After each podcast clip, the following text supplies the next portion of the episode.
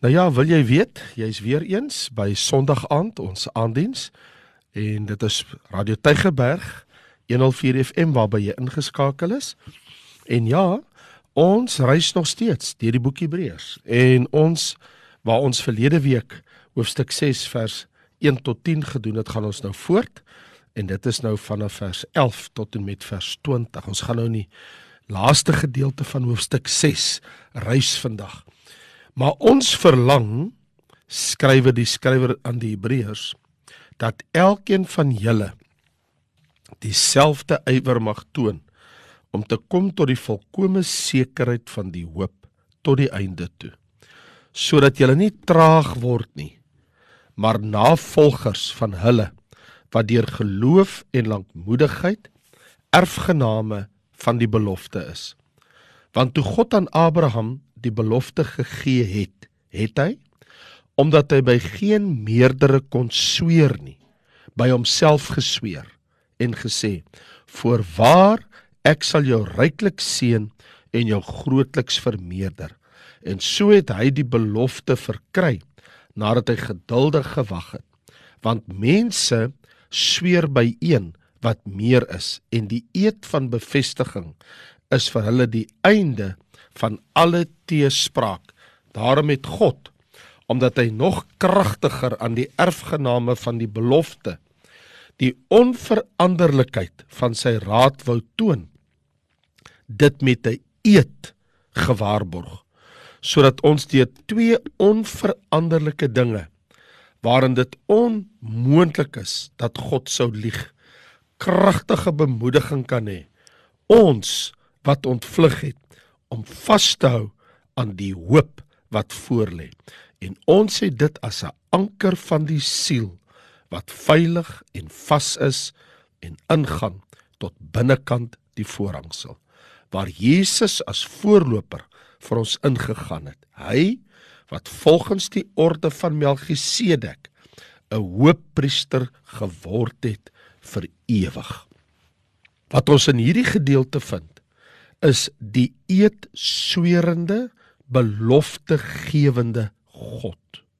Jy sien kinders van die Here, Christen, ek praat van gelowiges, het 'n onwrikbare hoop in die sekerheid van God se woorde. Wat God gesweer het, sal God hom byhou. Dus ons weet, ons het almal 'n behoefte aan 'n stabiele anker vir ons siele. En dit vind ons in God se beloftes in Christus Jesus. En hieraan kan ons aan vashou ten alle tye en onder alle omstandighede. Niks kan God se beloftes wat hy gesweer het tot niet maak nie. Nou daar is baie verskillende reaksies van mense as dit kom by die evangelie boodskap. Jesus het dit mos so beskrywe in Matteus 13 onthou jy die saaier het uitgegaan het om te saai en die gelykenis vertel mos ehm uh, dat terwyl hy gesaai het toe het van die saad en die saaier se storie lees ons langs die pad van die saad langs die pad, dan lees ons van die saad het geval in rotsagtige plekke, dan lees ons die saad lê tussen dorings en distels en dan lees ons van saad in die vrugbare grond. So hier is vier soorte verskillende harte. Daar's harte wat langs die pad is. Dit is so hard dat die saad kan nie inval nie. En dan die ander plekke is dat daar is soveel rotsagtige plekke, daar's geen diepte nie. As die woord daar val, dit kan nie wortel skiet nie. Die ander plek, ja, dit het nou wel wortel geskiet die saad, maar nou is dit gesaai tussen die dorings en die distels. En die dorings en die distels gaan dit net eenvoudig verstrik. En dit doodwurg.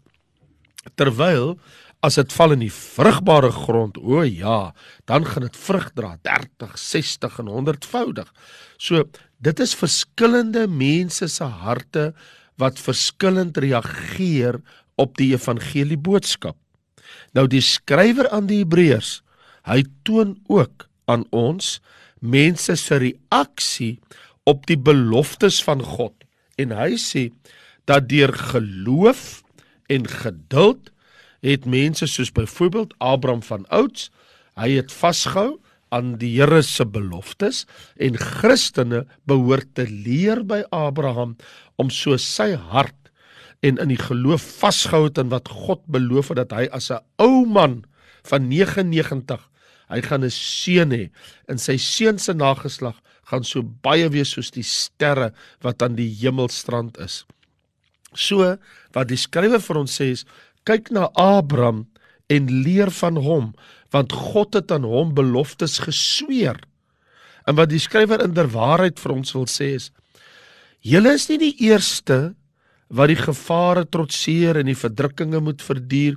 As baie ander wat voor julle dit al deurgemaak het. So ons is nie op 'n weg wat onbetrede is nie. Daar's al baie wat voor ons hierdie weg geloop het en ons is ook nie alleen op die weg nie. Want hy sê Christus het voor ons uitgeloop.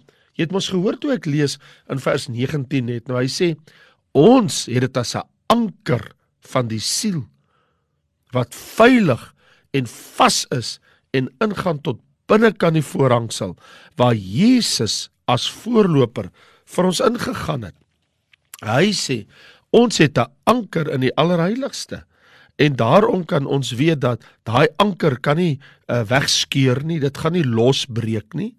En nou gee hy drie argumente hier in hierdie gedeelte Hebreërs hoofstuk 6 ter staving van die sekerheid van saligheid wat ware gelowiges besit want dit mos al klaar in vers 9 gesê dinge wat saamhang met die saligheid. So ten eerste hy sê vestig jou aandag as kind van God op God se beloftes. Vers 13 tot 15 hy sê kyk en dink wat het God met Abraham gedoen. Hy sê God toe hy vir Abraham 'n belofte gee dat God kon nie by 'n 'n meerdere sweer nie toe sweer God by homself. Hy sê God sweer by homself. En toe hy hierdie een belofte gemaak het aan Abraham, toe sweer God dat hy dit sal onderhou. Hy sê om dus te luister na God se stem het 'n gewoonte geword in Abraham se lewe en hy was gewoond aan God se stem. Baie van God se beloftes is nie afhanklik van my en jou karakter nie, maar van God se getrouheid. Dis ek en jy wat verander. Dis nie God wat verander het nie. Hy sê soos ek en jy nie. So toe God sy belofte aan sy diensnig en vriend Abraham gemaak het, het alles so onmoontlik blyk te wees. En God het telke male bly praat by sy vriend Abraham oor die groot nageslag wat hy vir Abraham sal gee. En dit terwyl Abraham geen kind gehad het van sy eie by sy vrou nie. En dan sê God nogal soos daar in Genesis 15 hulle sal wees soos die sterre aan die see strand. En Abraham het tog nie eens 'n kind verwek by sy eie vrou Sara nie. So nie op hierdie stadium van die beloftes. Tog Abraham het bly glo aan God se beloftes. Hier's 'n diep les vir my en jou. Daar staan in Genesis 15 vers 5 en 6. Daarop lei die Here hom na buite en hy sê vir Abraham: "Kyk op na die hemel. Tel die sterre as jy hulle kan tel." En hy sê vir hom: "So sal jou nageslag wees." En hy, 'n ou man van 99, het in die Here geglo en die Here, hy het hom dit tot geregtigheid gereken. So die die Hebreërs skrywer, hy bring hier in Hebreërs 6 waar ons nou reis deur die boek Hebreërs onder ons aandag dat ons se God is die eed sweerende belofte gewende God. En alhoewel God meer as een belofte gemaak het aan Abraham, het hy maar net een belofte aan Abraham gegee met eed swering. Want later sou die Here in hoofstuk 22 'n groot eed neem waar die Here mos nadat Abraham vir Isak wou offer en die Here hom gestop het. Lees ons daarvan vers 15.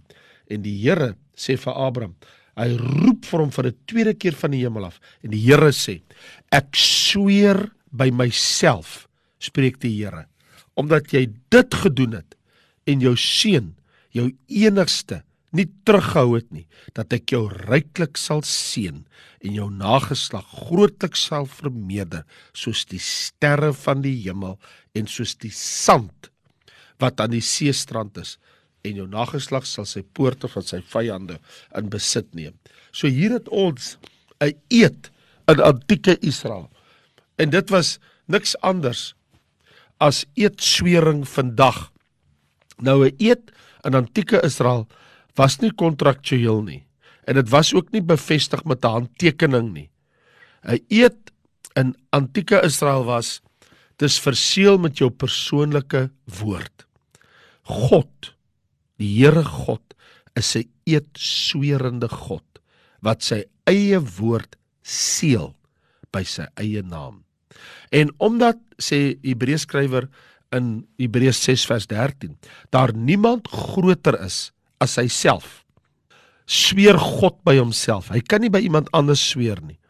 Ek en jy as ons tot getuie geroep word in 'n hof en ons moet 'n eed neem, dan sê ons so help my God. Ons neem 'n eed, ons sweer by een wat groter is as ek en jy. En daar is 'n oproep op die grotere om te getuig vir die kleinere. In ander woorde, wanneer ek en jy dit doen, dan sweer ons by iemand groter as onsself. Maar niemand is groter as God nie. Dis by wie moet God sweer?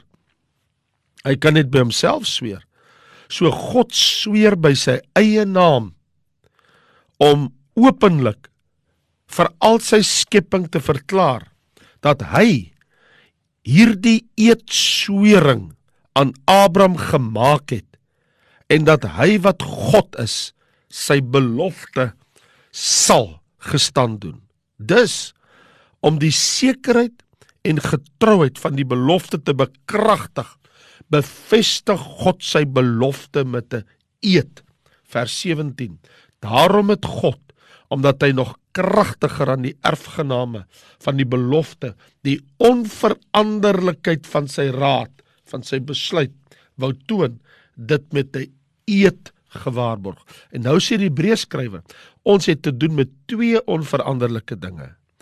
Hy sê God se belofte in vers 18 is onmoontlik dat God kan nie lieg mee nie en God se eedswering. So wat God se belofte betref, dit staan vas want God se karakter is onveranderlik. God kan nie lieg nie. Vers 18 sê God wat nie kan lieg nie. Dit is 'n nodelose saak om vir 'n onbetroubare persoon te vra om 'n belofte te maak of te sweer, want daardie een se woorde is leeg en sonder enige krag. In God se geval, dis onmoontlik dat God vals is. Ons glo God se belofte eenvoudig omdat hy sy woord gegee het. En op die koop toe het God dit gedoen met eedswering. So dit bemoedig ons, ons delikate, ons swak, ons broos geloof dat ons steun hou op die getrouheid van God. Wat God beloof het, sal God byhou. En waarlik waar, soos Abraham is ons ook pelgrimsreisigers op soek na 'n vaderland. Wat die Hebreërskrywer sê, ons is op soek na die stad wat God gelê het, waarvan hy die boumeester is en die fondament gelê het, die nuwe Jerusalem en ons kan ook nou vashou aan die hoop wat voor ons lê. Nou sê hy, as dit is wat God gesê het, sê hy in Hebreë 6 vers 18, ons kan nou vashou aan die hoop wat voor ons lê. En hier's nou nog 'n ding. God se seun. Nou gaan hy so ver as om te sê, maar hierdie God wat gesweer het, wat hierdie eed geneem het, hy het 'n seun. Hy is die hoofpriester, Jesus volgens die orde van Melchisedek. So nie net het ons God se beloftes en God se eedswering nie, maar ons het ook God se seën. Ons hoop is in Christus Jesus. Hy sê ons het 'n anker van die siel, dis veilig, dis vas, dit gaan aan en in tot binnekant die voorhangsel waar Jesus as voorloper vir ons ingegaan het. Hy wat volgens die orde van Melchisedek 'n hoëpriester geword het vir ewig. So By die einde van die 2de eeu weet ons uit die geskiedenis uit was die anker 'n baie betekenisvolle Christelike simbool. Byvoorbeeld Clement van Alexandrië wat uitstaande leermeester in die vroeë kerk was, hy het verwys na die anker as 'n toepaslike Christelike simbool. Wat jy sien, die drie mees belangrike simbole op daardie tydstip was die duif en dit was die simbool van die Heilige Gees want die duif het die Heilige Gees in die vorm van 'n duif op Jesus neergedaal. So die mense het die Christen het die groot gedagte dat die duif is dan mos nou ook 'n simbool van die Heilige Gees omdat hy in die vorm van 'n duif neergedaal het. Die tweede is ons het ook die simbool van die vis. Die rede daarvoor is Jesus het vir sy disippels gesê ek maak julle vissers van mense. So die vis was dan ook die embleem of die uh, simbool van disippels wat vissers van mense is. En dan het ons die simbool van die anker. Die anker is die simbool van ons hoop in Jesus Christus. So die anker was 'n populêre simbool in die vroeë kerk. En ons sien dit op baie Christene se vroeë Christene se grafstene dat die anker of simbool want dit verseker die hoop van die Christen. Ons hoop is in Christus Jesus wat hy gedoen het. Sy lewe, sy dood, sy opstanding, sy hemelvaart. En dit het vir ons 'n groot monumentale oorwinning bewerkstellig. So Christus het in die allerheiligste in die hemel ingegaan en deur die voorhangsel heen. So dit was net gereserveer een keer 'n jaar vir die groot versoendag waar die hoofpriester net eenmaal kon ingaan met dierebloed te verzoening doen. So die Ou Testamentiese hoofpriester was nie 'n voorloper nie, want niemand mag hom gevolg het in die allerheiligste nie. Niemand mag agter die hoofpriester ingegaan het in die allerheiligste nie. Hulle sal doodgemaak gewees het. Daar's geen ruimte vir angstigheid nie, want ek en jy het Jesus wat die hemel ingegaan het en die Bybel sê ons mag hom volg. Daar's nie twyfel by ons nie, daar's nie vrees nie. Ons het die hoop Ons het die anker van die siel. Ons het 'n voorloper. Ons het 'n priester. Ons het 'n hoëpriester. Ons het Jesus Christus. Ons het 'n anker wat veilig en vas is. God se eis vir heiligheid en geregtigheid het Jesus Christus tevrede gestel. Hy het die hoëpriester van ons saligheid geword. Nou rus ons in hom. Ons het sy beloftes, ons het sy eedswering, ons het die anker, ons het sy seën binnekant die voorhangsel vers 19 sê tot binnekant binnekant die voorhangsel buitekant is hy laar maar binnekant in die voorhangsel. Ek stel dit aan jou wie Jesus Christus in sy lewe het het 'n hoëpriester wat jou binnekant toe genooi het. Jy kan binnekant kom in God se teenwoordigheid Maar sê die Hebreërskrywer in Hebreë 13, omdat Jesus buite die poort gelei het, nooi hy ons om ook buitekant saam met hom te lei in hierdie wêreld. So ek en jy is nog nie in die hemel nie, ons is op pad soontoe, maar ons is nog op die aarde. En Hebreërs 13 sê, lei saam met Jesus op die aarde, want ons is sy liggaam, maar ons weet ons is op pad binnekant toe. So in hierdie wêreld leef ons nou maar eenmal as pelgrims reisigers met 'n boodskap van die koning van die hemel. Nou dra ons sy smaad buitekant, maar eendag staan ons in sy paleis, in sy troonkamer, in sy hemelwoning. Loof, loof, loof die Here o my siel en alles wat in my is, sy heilige naam. Here God van hemel en aarde, ons wil U loof dat U 'n eetsweerende, beloftegewende God is. Here, U breek nie U woord nie. U's nie 'n mens nie. U's nie vals nie. U lieg nie. U verbreek nie U woord nie. En U het by U self gesweer, want daar's niemand groter as U nie. U het U beloftes en die onveranderlikheid daarvan gewaarborg met 'n eed en dis onmoontlik dat u kan lieg. Dit gee vir ons kragtige bemoediging. Dit gee vir ons hoop, Here. Ons sê dit as 'n anker van die siel wat veilig is. Dis vas en dit gaan tot binnekant die voorhangsel. Dankie dat Jesus vir ons as voorloper ingegaan het ons hoëpriester volgens die orde van Melchisedek. Dankie Here dat ons as reisigers pelgrimsreisigers op pad is na u heerlikheid, op pad is na u troonkamer, op pad is na die hemelwoning, onderweg is na die nuwe Jerusalem. Maar terwyl ons nog op die aarde is, Here, soos Hebreërs 13 sê, gaan buite kan die poort en lei saam met Jesus sodat ons saam met hom eendag verheerlik kan word. Vader, ons loof U vir hierdie anker van ons siele. Dankie dat ons hierdie beloftes, hierdie eetswering het. Dis 'n anker vir ons siele. Dan het ons nog U seun Jesus en sy woord wat hy gegee het en ook hy het gesweer.